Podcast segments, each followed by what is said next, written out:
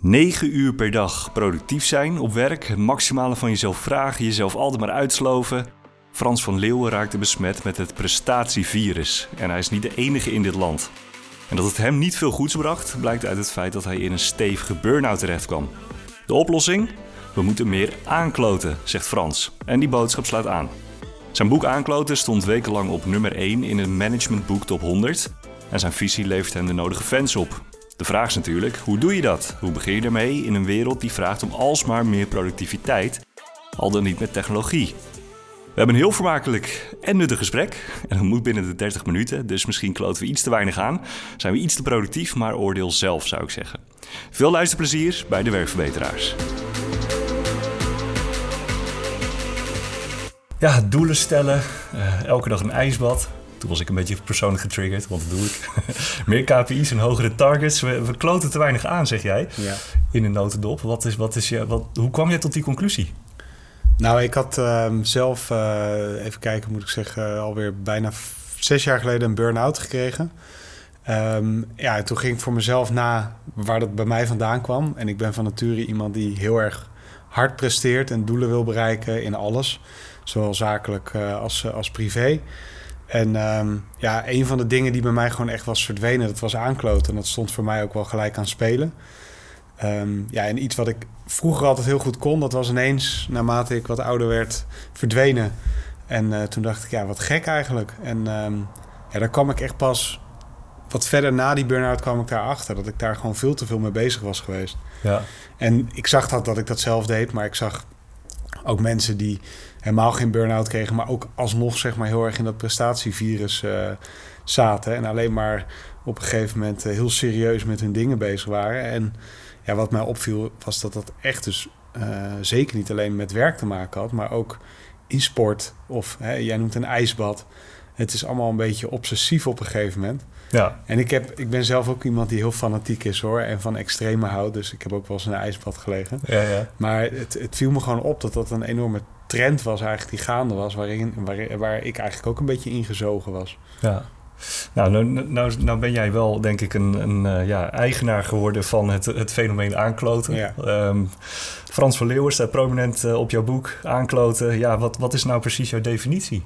Van nou, ik, ik, ik, vind dat iedereen hem eigenlijk voor zichzelf in kan vullen. Maar ik vind eigenlijk dat je vooral wat meer mag aanrommelen. Dat je niet altijd met presteren bezig hoeft te zijn. Dat het ook af en toe wel eens gewoon even wat losser mag. En dat je jezelf wat minder serieus neemt. Uh, en de boel de boel laat. Hè. Ik, wat ik eigenlijk ook zeg is 80% presteren, 20% aankloten. Ik ben van nature ook een presteerder, daar geloof ik ook in.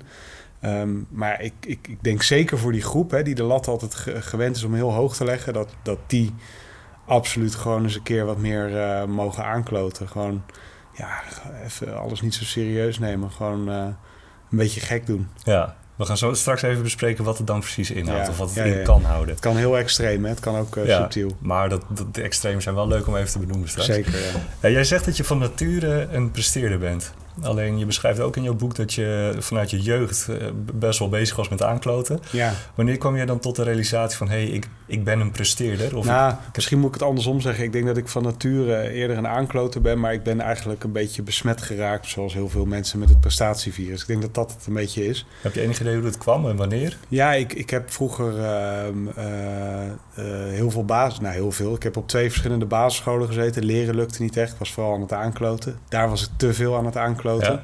Ik belandde vervolgens op het speciaal onderwijs. Ik haalde heel veel kattenkwaad uit, dus ik kwam ook in aanraking met politie en allerlei gedoe. Um, maar later uh, ben ik eigenlijk in het normale voortgezet onderwijs weer terechtgekomen. Uh, de MAVO afgerond, een sportopleiding gaan doen, het SIOS. Um, nou, dan krijg je gelijk wat verantwoordelijkheid, want je moet lesgeven. En toen kreeg ik de smaak te pakken, ben ik naar het HBO gegaan, heb mijn propedeuse gehaald. En toen, dat ging zo lekker, toen dacht ik, nou, dan ga ik gelijk door naar de universiteit. Ja. Dus ik zat helemaal op die, op die trein, zeg maar. Dus alles ging lekker. Ik ging uh, na mijn studie, mijn master, ging ik in de IT werken bij KPMG. En dat ging uh, goed, alleen ik vond het te saai. Dus toen ben ik een eigen bedrijf begonnen, ging ook goed. Dus alles ging op een gegeven moment goed. En ik zat helemaal, zeg maar, in die high. Ja, en toen ineens ja, vaak hoor je dat, hè, als je, dat mensen een burn-out krijgen als alles goed gaat. Ja, dat was bij mij dus ook. Ik, ik ging uh, gewoon ineens uh, onderuit. Um, dus ik denk van nature echt een enorme aankloter. Ja? Dus het is eigenlijk andersom. En later is, uh, is dat presteren er veel meer bijgekomen. En nu is het eigenlijk constant op zoek naar die balans tussen die twee. Je dacht dat je dood ging, hè? beschrijf je. Of ja, ja, je die ja. burn-out kreeg ja. en paniekaanvallen. Ja, ja, dat hoor je wel van veel mensen, omdat je eerst denkt het is iets lichamelijks. Ja, later kom je erachter dat dat eigenlijk gewoon uh, ja, een combinatie tussen die twee is sowieso. Maar ik dacht echt... Ja, ik was ook weer aan het presteren, want ik ging een marathon uh, lopen. Dat heb ik al vaker gedaan. Ja. Nee, dit was ook nog een marathon uh, in Tokio. En dan ook nog geld inzamelen voor Kika. Dus ik was er enorm druk mee. En dan ook nog trainen en een bedrijf. En nou, van alles en nog wat erbij. Dus ehm, ja, dat was gewoon... Dat waren eigenlijk de verkeerde dingen. Burn-out komt niet zo snel door uh, heel veel dingen doen. Of, of, maar het is vaak dat je de verkeerde dingen bij elkaar doet. En daar geloof ik ook nog steeds wel in. Ja. Het was net ja, een combinatie die gewoon niet handig was. En hoe, als je, dat, als je nu terugkijkt en je kunt het een beetje verklaren, wat is het dan? Want je vond het wel allemaal leuk, denk ik, ja. wat je deed. Ja. Maar het was gewoon veel. Ja. Wat zorgt er dan uiteindelijk voor dat je tegen de vlakte gaat, om het zo maar te zeggen? Ja, dat is echt gewoon op een gegeven moment dat, dat je je signalen te lang negeert. En die signalen ken je helemaal niet op dat moment. Dus ja, te heel veel hoofdpijn, eh, dus, ja, dat gaat wel weer over. Ja. Of, uh, of, of spanningsklachten of zo. Hè. Dan denk je, ja, weet ik veel wat het is. Dat, uh, dat negeer je. Uh, want je weet niet wat het is, want je hebt het nooit eerder gehad. Je denkt wel, huh, dat is toch wel een beetje gek. Um, ik praat er ook niet echt over. Zeker niet met vrienden of daaromheen. Dat, ja, dat was ook niet echt een ding of zo. Dus ja, dan ga je gewoon door. En dan ineens was dat het signaal, zeg maar, toen ik aan het hardlopen was en aan het trainen voor de marathon van Tokio. Toen ja, kreeg ik gewoon echt een soort. Uh, ja, ik dacht dat, dat er iets met mijn hart was. Ik zag mijn horloge, mijn hartslaghorloge, zag ik naar 180 gaan. Ik dacht, wat is dit joh? Ik, ik, ja, zak Je was geen sprintje aan het trekken. Ik was helemaal, nee, ik was wel een lange duurloop aan het doen. Dus het was wel echt intensief, ook voor mijn lichaam. Maar het was, ja, het was, dat was heel apart hoe dat dan ging. En later, ja, echt weet je van, oh, dit is iets mentaals eigenlijk wat er aan de hand is. Ja. Nu is dat toch wel iets wat je vaak ook terugziet in cijfers, hè? burn-out. Ja, En um, je beschrijft ook in je boek dat het wel een beetje een lastig dingetje is, een lastig begrip. Ja. Hoe kijk je daar nu naar? Wat, wat, wat moeten we met dat begrip? Nou, het heeft natuurlijk ook een soort aanzuigende werking. Hè? Dat zeggen sommige specialisten ook. Enerzijds um, ja, is het een soort burn-out epidemie. Iedereen die maar een beetje overbelast is, heeft een burn-out. Uh, of ergens last van heeft. Hè? Dat, ja, ik kan je vertellen, als je een burn-out hebt, dan weet je wel echt dat je een burn-out hebt. Zeg maar, ik kon helemaal niks meer. Ik durfde mijn huis niet meer uit. In een aantal weken daarna ging dat gelukkig beter. Um, ja, en aan de andere kant moet je het ook wel heel serieus nemen. Want het is natuurlijk aan de, we leven gewoon in een prestatiemaatschappij. Waarin de lat heel erg hoog ligt, zeker voor jongere mensen. Uh, dus je kunt het ook niet negeren. En voor iedereen is het natuurlijk anders. Hè? Hoe, uh, hoe die klachten ontstaan, uh, hoe, hoe, hoe, die, hoe het zich ontwikkelt. Dat is, ja, dat, dat, dat is heel individueel bepaald. Dus je moet ja. denk ik toch ergens altijd serieus nemen. Ja, precies. En nu, nu, zullen er vast heel veel mensen zijn die misschien wel een beetje in zo'n voorstadium zitten en dan de signalen niet herkennen. Nee. Tegelijkertijd is jouw boek, uh, ja, heeft wekenlang op de nummer 1 gestaan in de managementboek ja. top 100. Ja. Je hebt een aardige following op LinkedIn. Je hebt een mooi bedrijf opgestart, ook weer wat een beetje uit, uit, uit, of voortvloeit uit deze filosofie. Klopt. Hoe komt het dat jouw boodschap aanslaat, denk je? Omdat het heel, uh, voor een hele specifieke doelgroep ook wel gericht is. Ik richt me iets meer op mannen dan op vrouwen. Uh, de taal is wat duidelijk, want die miste ik in uh, het hele burn-out verhaal. Ik ging ook allerlei boeken lezen, bladen lezen, met mensen praten en dat was allemaal heel zacht. En ik geloof daar ook in hoor. Ik geloof uh, dat een dagje wellness of yoga of mindfulness je ook kan helpen. Maar ik wilde ook gewoon wat mannelijke taal terugvinden of humor. Humor vond ik een hele belangrijke en dat, dat vond ik gewoon veel te weinig terug. En dat heeft mij juist heel erg geholpen in dat herstel. Om ja. jezelf kunnen lachen letterlijk. Ja. En wanneer kwam je tot de realisatie van... hé, hey, dit, dit is eigenlijk... dit valt onder de paraplu aankloten en daar moet ik iets mee? Ja, door eigenlijk gewoon veel met mensen te praten. En uh, ook andere ondernemers die ik heb geïnterviewd... die wat ouder waren... die allemaal tegen dezelfde lamp aan zijn gelopen. En uh, ja, eigenlijk... Die waren gewoon een, een verpersoonlijking van aankloten. Sommigen zeiden dat ook. Ja, ik ben Mr. Aankloten. Ja. En uh, dat vond ik wel heel grappig. En, en die hadden ook nog succes. Dus ik vond dat, dat die combinatie daartussen... want ik ben zelf ook wel iemand gericht... die gericht is op succes uiteindelijk. Maar dan vind ik het helemaal mooi als dat dus ook... Hè, we zijn altijd gewend dat dat perfecte plaatje, dat dat dan... eh, en dat je dit moet doen en dan dat moet doen... en dat je zo dat succes bereikt. Maar dan bleek dus dat dat dus helemaal niet zo was. Ook niet bij hun. Dat ze gewoon zo hard hadden gefaald ook allemaal. En, en, en ja, dat vond ik juist heel inspirerend. Ja, dus dat het niet een soort succesformule is die je maar volgt en dan lukt het wel. Want ik voelde mezelf, kijk, als je een burn-out hebt en je bent man en eh, je bent prestatiegericht, voel je gewoon een loser. Dat is gewoon, tenminste, ik voelde me echt wel een loser. Ja. Later ga je erover nadenken en over praten. Hè, waar, waar, waar, waar komt dat dan vandaan? Nou, dan viel dat allemaal wel mee. Maar ja, dan ben je toch op zoek naar voorbeelden van mensen die ook een keer in die shit hebben gezeten, al dan niet met een burn-out, die daar gewoon hartstikke goed uit zijn gekomen of ja, al, het al hartstikke goed deden. Dat, dat inspireerde mij juist heel erg. Ja. Nou, we gaan zo meteen eens even kijken naar wat, wat we zelf kunnen doen om daarmee te beginnen. Ja. Maar ik ben nog wel even benieuwd, want we hebben het natuurlijk een beetje over de, de, ja, de uitwerking van een soort prestatievirus, wat niet helemaal lekker gaat. Nee. Ik denk dat zeker in coronatijd is eh, in ieder geval mijn generatie ook best wel gek gemaakt met... Ja. Ja. ja, als je niet met drie nieuwe business ideeën uit de crisis komt, dan heb je het niet goed gedaan. Ja, Eh, Dat herken je denk ik wel. 10k per maand als je dit en dit doet. Ja, ja, precies. Kun je schetsen waar het nou precies fout gaat? Is er, is er een soort lijn te ontdekken waardoor dat prestatievirus... eh, Ja, ik denk dat iedereen dat natuurlijk wel kan noemen. Dat is social media, maar ja, dat is, dat is een versterker van het hele geheel. Maar ehm, ja, het zit zo doordrongen in alles wat we doen. In, in, in, in onze sport. In, hè, dus in vrije tijdsbestedingen, die, die, die zijn geen hobby's meer, maar dat zijn gewoon extra banen bijna geworden. Die, ja, je, je moet daar ook eh, uitzonderlijk presteren. Ja, dat hele stuk individualisering waarin je waarin het niet meer om gemeenschap gaat, maar om de beste versie van jezelf willen zijn. Ja, dat is natuurlijk iets wat voorop staat. Ja. En je kan er ook niet, niet aan meedoen. Hè? Ik bedoel, je kan het niet helemaal negeren. Het is ook de maatschappij. Maar ja, dat af en toe met een korreltje zout nemen, dat lijkt me wel eh, verstandiger. Ja, ja toen, toen een vriend van mij laatst zei... die heeft zo'n oud klushuis gekocht... en die vindt het dan heerlijk om gewoon lekker in het weekend... een beetje aan te rommelen en ja, te klussen. dat. Ja. Toen dacht ik, ja... Ik zou, dat ik, ik zou willen dat ik dat ook zo makkelijk kon. Het is, toch, het is toch iets ingebakken of zo... Wat, het, wat er dan inslijpt. Dat je toch denkt van... oh, ik moet mijn tijd heel nuttig besteden continu. Ja. en je hebt ook nog te maken waarschijnlijk met meningen van anderen. Dat als dat huis niet af is, dat ze dan toch weer zeggen... nou, eh, weet je, dat moet het dan niet... eh, moet het dan niet eens een keer af? Ja, Ja. En, en, dan je eigen pad nog blijven volgen. En te zeggen, nee, want dat doe ik juist omdat ik eh, het leuk vind om daar heel lang over te doen.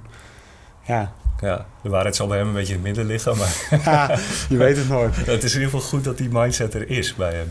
Nou ja, je hebt natuurlijk ook wel... Ik, ik, ik heb dit boek geschreven, maar ik zeg ook altijd... ik ben niet de ultieme aankloter. Ik heb mensen in mijn omgeving die kunnen echt gigantisch goed aankloten. Nog veel beter dan ik. Ja. Dus je, ja, het is wel leuk om er af en toe van te leren. Nou, daar wil ik zo meteen even meer Ook over van dit soort vrienden zoals jij. Ja, precies. Ja. Ehm, nog wel eventjes over, eh, want het staat prominent op de voorkant van je boek, hè, dus Ja. de succesformule voor mannen. Ja, dat moest van de uitgever. Ja, maar je benoemt het zelf net ook, hè, dus dat Ja. het meer gericht is op mannen. Ja. Is het dan geen boek voor vrouwen? Nee, heel veel ik nu vrouwen... de helft van mijn luisteraars Nee, kwijt, nee, of- nee. Heel veel vrouwen lezen het ook. Oké, Het prikkelt vrouwen juist heel erg, want het is gewoon wat mannelijkere manier. Dus ik denk dat er heel veel vrouwen, die hebben dat ook tegen mij gezegd, hè, eindelijk gewoon eens een keer gewoon een wat luchtiger boek. Hè, eh, niet zo eh, van, oh, als je dit eh, niet hebt gedaan, dan ben je niet goed. Want dat zit heel erg, er zit ook weer heel erg een oordeel in heel veel van die andere boeken. oké. De, de zweverige boeken. Ja, dat merkte ik. Zo van, ja, er zit gelijk zoiets van, ja, hier moet je helemaal induiken, hè, want dit is de basis. En, en als je dat kunt, zeg maar, ja, dan, dan ben je verheven. Ja, ik, ik denk ook met burn-out, heel veel dingen zijn gewoon, ja, die, die, die zijn al voorspeld, weet je wel. Die, die, die, ja, je, dat zit ook een beetje in je karakter, dat gebeurt. Dat kan je niet helemaal tegenhouden. En nu lijkt het soms wel in heel veel bladen, artikelen en boeken die je leest... dat burn-out bijna een beetje je eigen schuld is. Ja, daar geloof ik niet in. Dat Kun, kun je eens uitleggen? Wat, wat is dan de, de, de boodschap waar, waar dat uit blijkt? Nou, je hebt sommige dingen niet altijd in de hand. Dus je kunt wel heel gezond leven. Je kunt eh, eh, er alles aan doen, zeg maar, om een burn-out te voorkomen. wil niet zeggen dat je geen burn-out kunt krijgen. Hetzelfde geldt voor eh, eh, een fysieke ziekte. Hè. Ja, dat, dat heb je niet altijd in de hand. En we Nee. doen volgens mij, dat gevoel krijg ik soms een beetje met burn-out, alsof dat, eh, nou, alsof de, de, eh, alles wat je nu om je heen ziet, alsof je een stappenplan hebt dat je dat allemaal kunt voorkomen. Ja, dat, dat, dat, ze noemen dat ook wel eens, eh, wat ik laatst ook weer las, eh, de wellness paradox. Als je heel erg met geluk bezig bent, dan word je juist ongelukkig. Dus nou, misschien heb je het tegenovergestelde effect wel ervan. Ja. En hoe zit dat met jouw boek? Dan kunnen we wel gewoon veilig lezen. Ja, ik heb geprobeerd. Ik weet niet, hè, er, staan, de, er staan soms ook adviezen in. Daar ben ik eigenlijk minder van. Maar de uitgever wilde ik toch met wat adviezen kwam. ja, ik vind dat mensen het vooral zelf uit moeten zoeken. Ja. Hè, dus aankloten is voor mij meer prikkelen. Van, oh ja, hey, ik, ik, snap, ik snap die Frans wel met zijn aankloten... maar ik ga daar zelf een draai aan geven. Ja. En ik heb zelf wel wat inhoud en wat voorbeelden eraan gegeven... maar ik hoop dat vooral mensen... en dat gebeurt ook, want ik krijg verhalen terug... dat ze zelf met hun aankloten momenten terugkomen. Ja, mooi. En nu zitten we, dan gaan we even een bruggetje maken naar wat we dan kunnen doen. Want we zitten echt in een wereld, zeker met uh, artificial intelligence, waar je, ja. je hoeft je LinkedIn maar te openen of je wordt ermee doodgegooid. Ja. Is er deze podcast ook wel eens over gegaan. Ja. Um, alles wordt efficiënter, productiever, uh, hogere targets. Hoe gaan we ooit in deze wereld en met generaties die nog meer opgroeien met technologie beginnen met aankloten? Nou, ik denk, kijk, al die dingen zijn natuurlijk wel heel mooi op het moment dat je daardoor daarnaast meer tijd houdt voor aankloten. Kijk, dan is het heel mooi als je je werk dusdanig efficiënt in kan richten dat je eigenlijk veel minder hoeft te werken. Maar dan moeten we ook, ja, ik weet niet of ik het hier mag zeggen, maar dan moet je die werkweek ook anders in durven te gaan delen. En veel meer kijken naar gewoon uh, output in plaats van uh, uren maken. En uh, ja, dat is natuurlijk zo ouderwets. Ja. Dus dan als, als dat model op de schop gaat en je kunt efficiënter, productiever zijn. En daarnaast hou je meer tijd om aan te kloten. Of door aan te kloten kun je eigenlijk weer efficiënter of productiever worden. Dat is ook mooi. Ja, daar geloof ik veel meer in. Ja. Maar het zit hem in mijn ogen niet in, in meer doen. Kijk, als je dus uh, in, in minder tijd meer kunt leveren, ja, dat is, dan is dat toch de basis, zou ik zeggen. Dan zou ik denken, nou, dan heb je of meer tijd om aan te kloten. En dan zou dat aankloten ook weer bij kunnen dragen aan creativiteit en een nog hogere productiviteit, omdat je de ruimte hebt om slimmere dingen te bedenken. Ja, ja, maar volgens mij beschreef jij ook in je boek dat, dat een econoom die dan beschreef van nou dat rond 2030. Ja, dat is uh, nooit gebeurd. Nee, nee, rond 2030 zouden we minder hoeven te werken. Ja. Volgens mij eh, was het ook een toespraak van Rutger Bregman ooit een keer. Die zei van dat was de belofte van de industrialisatie. Ja. Dus we hebben allemaal lopende banden, gaat alles sneller. Ja. ja, en we zijn alleen maar meer en meer en meer productief uh, gaan Nee, werken. omdat we natuurlijk ook druk zijn als statussymbool nog steeds zien. Hè? Dus dat hele Calvinistische zit er bij ons gewoon nog in. Van uh, werken voor je geld en uh, hard je best doen. Ja, en groeien, continu groeien. Groeien, nee zeker. Ja. Dus dat is overal, dat zit er zo erg in. Dus dat, ja, zolang dat motortje, die red race blijft draaien... Ja, dan kom je daar dus niet uit. Nou, dus, dus hoe gaan we beginnen? Je zit te luisteren. je hebt het over vijf regels in je boek. Ja. Nou ja, als, als, je, de vijf, als je de vijf eruit pakt, uh, hè, durf kwetsbaar te zijn. Ik denk dat als je kwetsbaarheid aantoont, dat je, dat je daarmee begint. Dat je, dat je soms gewoon zegt, joh, ik heb even hier geen zin in. Of uh, dat je echt durft te zeggen waar je voor staat. Ja. Um, en um, of als even iets niet lukt, dat je dat ook gewoon, dat je daar open over durft te zijn. Of als je even niet lekker in je vel zit, dat je daar open over durft te zijn. Volgens mij is dat de basis om ruimte te creëren voor elkaar, voor jezelf. Ja. De basis voor aankloten. En hoe doe je dat? Stel je zit uh, vandaag of morgen op je werk en je beseft je dat je dit nodig hebt. Wat, ja, wat goed, kijk, als je gewoon een medewerker bent in een bedrijf, is het natuurlijk hartstikke lastig. Ja. En dat begint echt ook bij de uh, directeur uh, of directieleden die ik heb geïnterviewd. Dat begint gewoon in de top als jij dat als directeur uit durft te stralen in je bedrijf, dan durft, uh, durven de rest van je medewerkers dat ook te doen. En die bedrijven die ik ook nog ken vanuit mijn vorige vakgebied, uh, maar ook uh, mensen die ik heb geïnterviewd, ja, dat zijn gewoon topbedrijven, omdat, uh, omdat daar gewoon zo'n open cultuur heerst, echt psychologische veiligheid is, om alles met elkaar op dat terrein te bespreken. Ja, en hebben zij dat, is dat een cultuurshift geweest bij die bedrijven? Nee, zit dat zit gewoon zo erg in de directeur-eigenaar. Ja. Dat zit er gewoon in. Kijk, en sommige uh, directeur-eigenaren willen graag leren. Hè, dus die komen daar gaandeweg. En sommige zijn gewoon zo, die zijn al zo geboren. Ja. Um, maar dat is natuurlijk wel de basis, denk ik. Want ja, als het in de top niet gebeurt, dan ga je dat als medewerker ook niet doen. Dan, dan, dan vlieg je er gewoon uit. Ja, precies. Ja, ja je dus, kunt het moeilijk verkopen. Als ja, je dat kun je heel moeilijk verkopen. Ja. je hebt het over de 80-20 regel ja. in jouw boek. Ja. Ik heb even zitten rekenen. Dan heb je het dus over een achturige werkdag. Dan moet je anderhalf uur ongeveer gaan aankleden, toch? Ja. ja, je zou hem op de werkdag kunnen doen. Nou, ik geloof wel dat je dat in, inderdaad de, uh, ook op je werkdag doet. Ja. Ja. Ja. Hoe, hoe ziet dat eruit? Stel jij... eh, Nou, kijk, ik, ik, weet niet, ik weet niet eh, wie de luisteraars nu ex- exact zijn, maar ik geloof gewoon niet in dat je acht uur of negen uur lang productief kan zijn. Dat bestaat gewoon niet. nee. Dat is echt onmogelijk. Eh, ik geloof wel eens dat dat een dag kan gebeuren hoor. Want dat, als je er echt lekker in zit. En misschien eens een keer twee dagen. Maar ja, dat, dat, dat- er zijn ook allerlei onderzoeken naar gedaan. Hè? Mensen die bijvoorbeeld één of twee dagen achter elkaar overwerken. Die kan je Mhm. de dag daarna gewoon volledig afschrijven. Ja. Dat, En dat is gewoon echt het meest contraproductieve wat er is. Dus het is heel stoer om op de Zuidas eh, heel veel uren te maken. Maar Ja. eigenlijk werkt dat gewoon niet. Dus dat is leuk voor de aanwezigheid om zo'n stoel warm te houden, maar meer niet. Nee, het is in alles bewezen dat als jij tijdens de werkdag meer beweegt, eh, even wat eh, ontspanning zoekt, dat je gewoon veel productiever bent. ja. Dus ja, ik geloof daar ook op, eh, op zo'n op zo'n op zo'n op zo'n werkdag in. Maar ook in een week, ja, als je een keer een halve dag even wat minder doet of even wat meer aankloot en de rest van de week ben je aan het vlammen, ja. Ik denk nogmaals, hier gaat het ook weer om resultaat. Mhm. Ja, als dat werkt, dan, dan is dat fantastisch. Ja, ja dus je, je verplaatst je eigenlijk in degene die het resultaat wil. Met als boodschap van als je gaat aankloten, dan is er de kans alleen maar groter dat het meer resultaat oplevert. Ja, ja ik, weet het, ik weet het zeker. Ja. Ja. En nu wil ik toch even die sappige voorbeelden. Want ik, ik heb in jouw boek, eh, zag ik er in ieder geval eentje terugkomen die ik bij mezelf herkende. Ja, en ik woon daar niet meer, dus ik kan het zeggen. Maar Ja. jij beschrijft op een gegeven moment dat je met vrienden gewoon op zo'n avond Ja. gewoon allemaal zooi uit het raam gaat gooien. klopt. Ja, dat heb ik in mijn studententijd ook gedaan. ja. De onderbuurvrouw die heeft eh, twee officiële waarschuwingen voor ingediend. Oh, En bij de derde moesten we eruit. Oh, En dat is niet gebeurd gelukkig. nee. Ehm, ik vond het mooi. Ja. Maar kun je dus uitleggen, en nog wat voorbeelden geven van, van die typische dingen waar bij jou ook het kwartje viel van hey, dit is aankloten, dit is goed.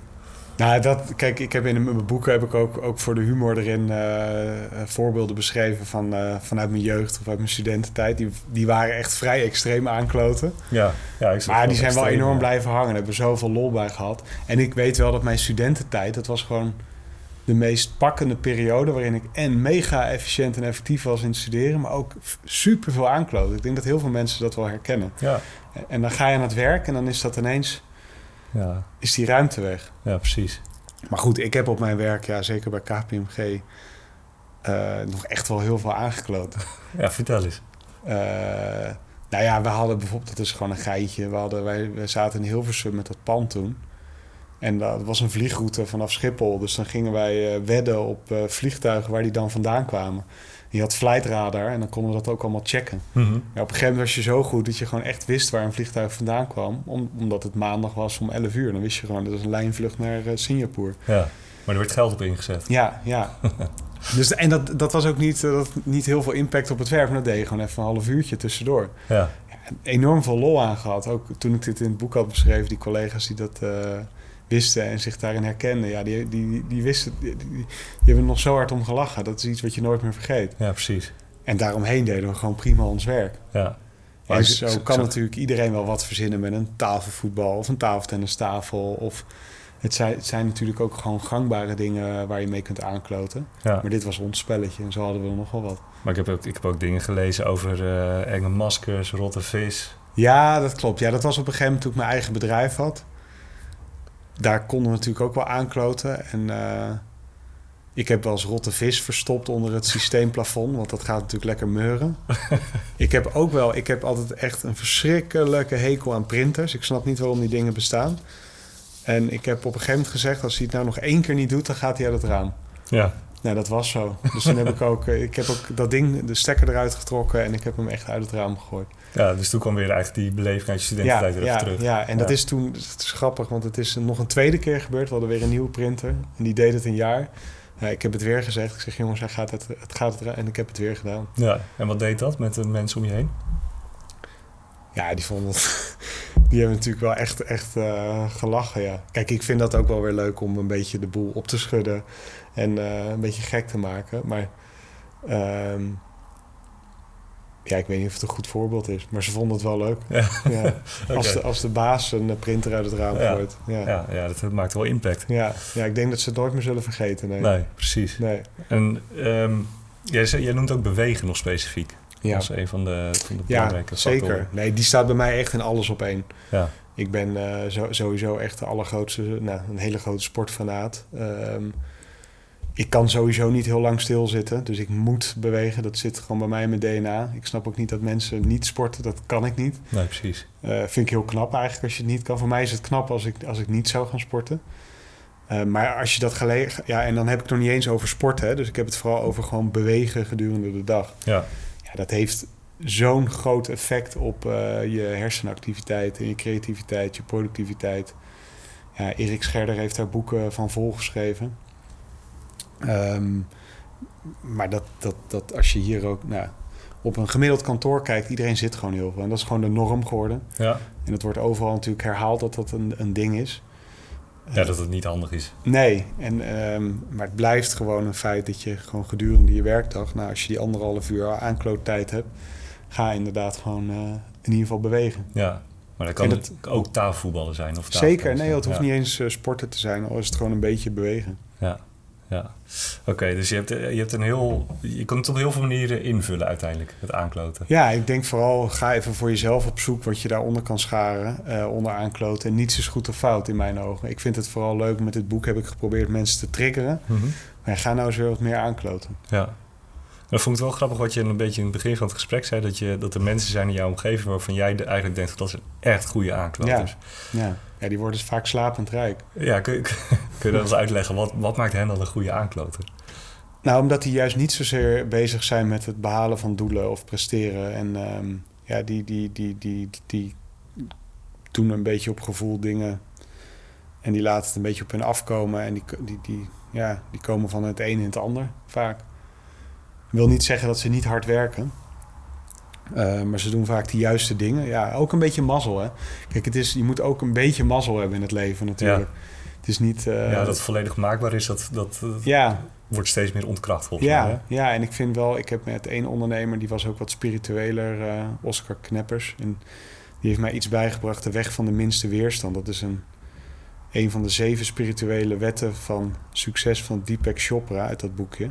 Ja, die is mij ook altijd bijgebleven de weg van de minste weerstand. Ik probeer die ook steeds meer toe te passen. En als je dan, ja, als je dat doet, we zijn eigenlijk gewend om heel hard ons best te doen. Of ergens, uh, als iets niet lukt, om dan nog harder te gaan ja, werken. De grind. Ja. ja. Terwijl als je gewoon even uitzoomt en denkt, ja, wat is nou mijn invloed? Waar kan ik nou het makkelijkste in meegaan? Of ja, dan merk je ineens dat het niet altijd comfortabel voelt. Want het kan ook wel een beetje, het, voor mij voelt dat niet altijd comfortabel, maar het kan soms wel heel makkelijk eigenlijk uh, dan verlopen? Of kan je ineens op een plek komen waarvan je denkt... hé, hey, dit is eigenlijk ook wel, uh, wel fijn.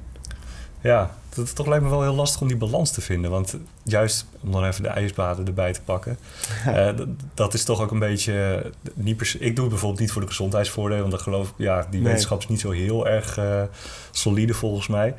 Maar meer die, dat je buiten je comfortzone stapt, dat je even een grens Ja. overgaat dat heb je natuurlijk ook wel een beetje die mindset in het ondernemen en het werken. Ja, dit is weerstand, wou je zeggen. Dit is wel weer meer weerstand dan ijsbad bijvoorbeeld. Ja, nee, ja, da- daarmee Ja. zoek je eigenlijk die weerstand op. Ja. Daarmee train je dan een Ja. beetje dat je, dat je door weerstand heen kunt gaan. Ja. Eh, terwijl je, nog- eigenlijk zegt, eh, dat is ook niet altijd nodig. Nou, je kan hem op twee manieren in- interpreteren. Want je kan natuurlijk ook zeggen, ik ga, gewoon, ga daar gewoon in. En ik geef me over. Hè? Dat is Ja. ook minste weerstand eigenlijk. Laat het gewoon gebeuren. Ja, Maar ik denk zeker dat je jezelf af en toe moet uitdagen. Nee, absoluut. ja oké, dus dat, daar, dat sluit je daarmee niet uit. Nee, die, nee, eh, nee, nee, nee, absoluut niet. Nee, nee, want ik ben van nature zelf ook een enorme uitdager. Ik ga ook allerlei dingen aan weer Ja. om mezelf uit te dagen. Dus ik geloof daar juist ook heel erg in. Alleen het is echt in balans. Want het kan niet zijn dat je dat de hele tijd aan het doen bent. Dat je en op werk gewoon het maximale van jezelf vraagt. En in een sport. En dan ook nog dat gaat combineren met een spirituele hobby of met een ijsbad. Of, hè, dat, dat, dat geloof ik gewoon niet. Nee. nee, dan moet ik wat gaan veranderen, denk ik. Nou, Ik ga even je boek uitlezen. Dat, dat, dat- laat Weet je, kijk, als jij één klein... Ja, misschien... Ik, ik weet niet hoe jouw leven eruit ziet. Ja, en, en nogmaals, niks is goed of fout. Ik had een jongen van 27 laatst... die, eh, ja, die is enorm succesvol met zijn bedrijf. En die zei ook... Ja, Frans, ik, ik heb allemaal stressklachten. En hoe moet ik dat... nou- Ik zeg, ja... eh, ik zal zijn naam niet... Ik zeg, ga, maar, ja, hoe moet ik dat voorkomen? Heb je een paar tips voor me? Ik zeg, ja, ik zeg, er zit zoveel onder bij jou. Ik, ik ga gewoon lekker door en je loopt op een gegeven moment wel tegen de lamp aan. Of niet. Ja, Ja, dat is een hele andere mindset dan... je kunt niet alles voorkomen. Je Nee. kunt niet, hè, als ik nu tegen jou zeg, ga stoppen met ijsbaden en ga dit doen. Ja, waarom zou je dat moeten doen? Als jij dat lekker vindt. Ja. En dat werkt nog eh, de komende jaren. Ja, misschien dat je na drie jaar denkt, nou, ik moet toch eens een keer wat anders gaan doen. ja, Omdat je lichaam dat aangeeft of ja, iets anders. naar de sauna. Nou ja, Ja. misschien. Ja, ik ben fan geworden van de sauna. Ja, wie had dat gedacht? Ik ga in mijn eentje naar de sauna. Ja, Had ik nooit gedacht hoor. nee, precies. Nee. Interessant. Ja, Hey, we vliegen door de tijd heen. ja. Ik wil je als afsluitende vraag toch ook nog stellen. Stel je zit te luisteren en eh, ja, morgen is gaat de wekker weer. Je komt om negen uur kantoor binnen. Je mailbox zit ramvol. ja. Hoe ga je nou beginnen? Gewoon de kleinste stap om eh, ja, te gaan aankloten. Nou ja, die mailbox, pleur dat ding eens uit, zou ik zeggen. Ja.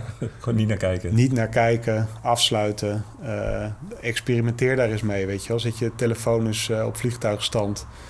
Ga eens naar buiten. Doe eens een keer wat anders. Eh, start je dag op een andere manier. Hè, voor de ene is dat eens een keer sporten. Voor de andere een rondje wandelen. Voor de andere een uur langer in bed liggen. Experimenteer daar eens mee. Verander je routine eens een keer. Ja, Ik denk dat dat al het belangrijkste inzicht kan geven voor aankloten. En dat zit hem echt in hele kleine dingen. ook als je dan een eh, appje krijgt van je, van je werkgever van hé, hey, waar ben je?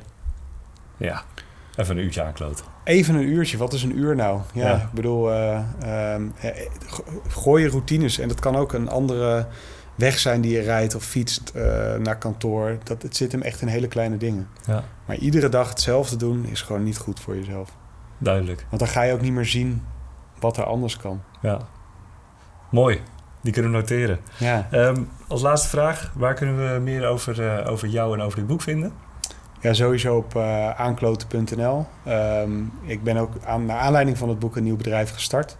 Ik ben de baas, waarin ik ondernemers help om hun bedrijf te laten groeien. Ja, Met winst in euro's zeg ik altijd en mentale rust. Want het gaat niet alleen over geld. en geen gezeik zag ik op je website Geen gezeik, Ja. inderdaad. Want iedere ondernemer die begint met een droom. Ehm, maar uiteindelijk loop je allemaal op een gegeven moment in de valkuil... dat je heel veel gezeik eh, op je hals haalt. Ja, Want je hebt ineens personeel en allerlei andere verantwoordelijkheden naar klanten.